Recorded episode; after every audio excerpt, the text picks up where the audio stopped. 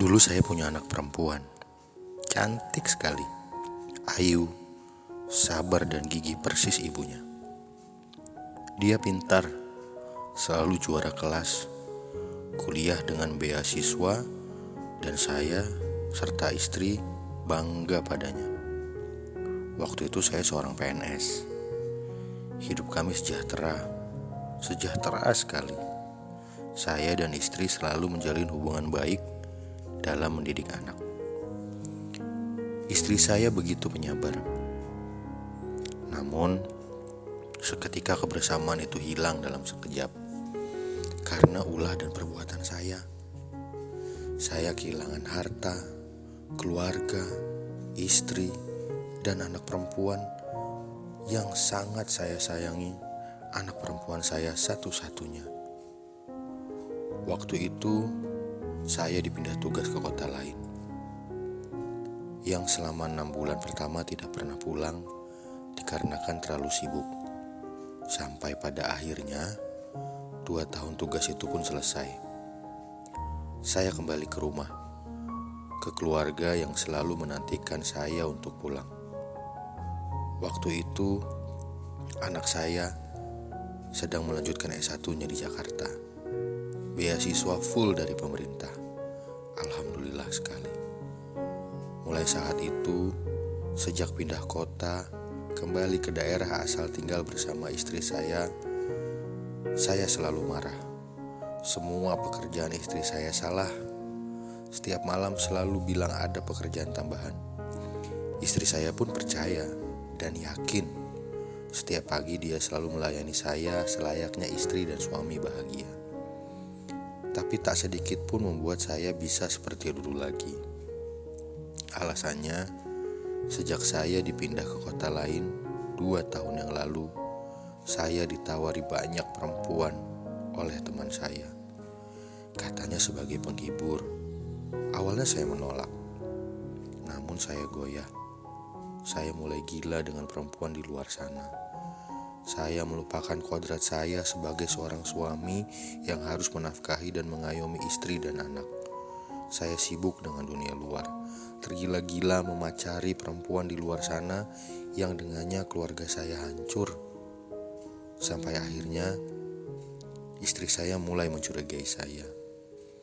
Melihat HP saya yang terus berdering, bahkan ke kamar mandi pun saya membawanya.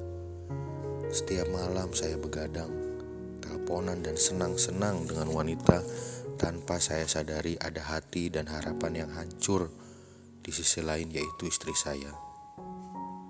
Sempat anak perempuan saya mengetahui semuanya. Ia pun mulai mencari tahu langsung kepada saya. Namun saya dengan begitu jahatnya meyakinkan anak perempuan saya bahwa semua itu salah. Terlihat anak perempuan saya percaya Hari demi hari terus berjalan, bahkan tiada hari tanpa perdebatan di antara saya dan istri. Bahkan dengan tega, saya memukul istri saya. Anak perempuan saya pun mulai resah dengan kehancuran keluarganya. Dia bingung. Sejak itu, prestasinya di kampus menurun. Beasiswanya dicabut sampai anak perempuan saya depresi berat. Dan akhirnya adik kandung saya yang ada di Jakarta mengabarkan dengan penuh luka bahwa anak saya mati gantung diri. Saya mengetahui kesalahan terbesar saya dari diarinya. Dia menulis, sakitnya ia kehilangan kasih dan perhatian dari orang tua, cinta mama yang dihianati, dan racun yang saya beri untuk anak perempuan yang saat ini saya sayangi. Itu di hari yang dia tulis. Begitu sakit, Nak. Sakit sekali rasanya. Hancur sehancur-hancurnya hati ini. Benar-benar hancur. Anak yang saya harapkan mengangkat derajat saya telah saya matikan harapan bahkan hidupnya oleh ulah saya sendiri. Keluarga yang saya bangun, rumah tangga, surga yang indah, berkomitmen dan menjalani semua dengan berdua, selalu mencari meraih ridho Tuhan bersama. Namun, pengapa begitu tega saya hancurkan semuanya dengan cara yang nista. Teringat pesan-pesan orang tua zaman dahulu kepada saya. Sekalipun kau nikahi perempuan seisi dunia ini, kamu tidak akan pernah puas karena yang kau kedepankan adalah nafsu. Ingat, perempuan itu adalah pakaian suami. Berbaktilah Doakan agar Allah selalu menjaga bahtera yang kita bangun. Dan laki-laki, perempuan yang kau nikahi itu adalah perempuan yang rela meninggalkan segala kemewahan hidupnya bersama dengan orang tuanya demi hidup susah bersamamu. Dan rela tubuh indahnya melar demi mengandung anakmu.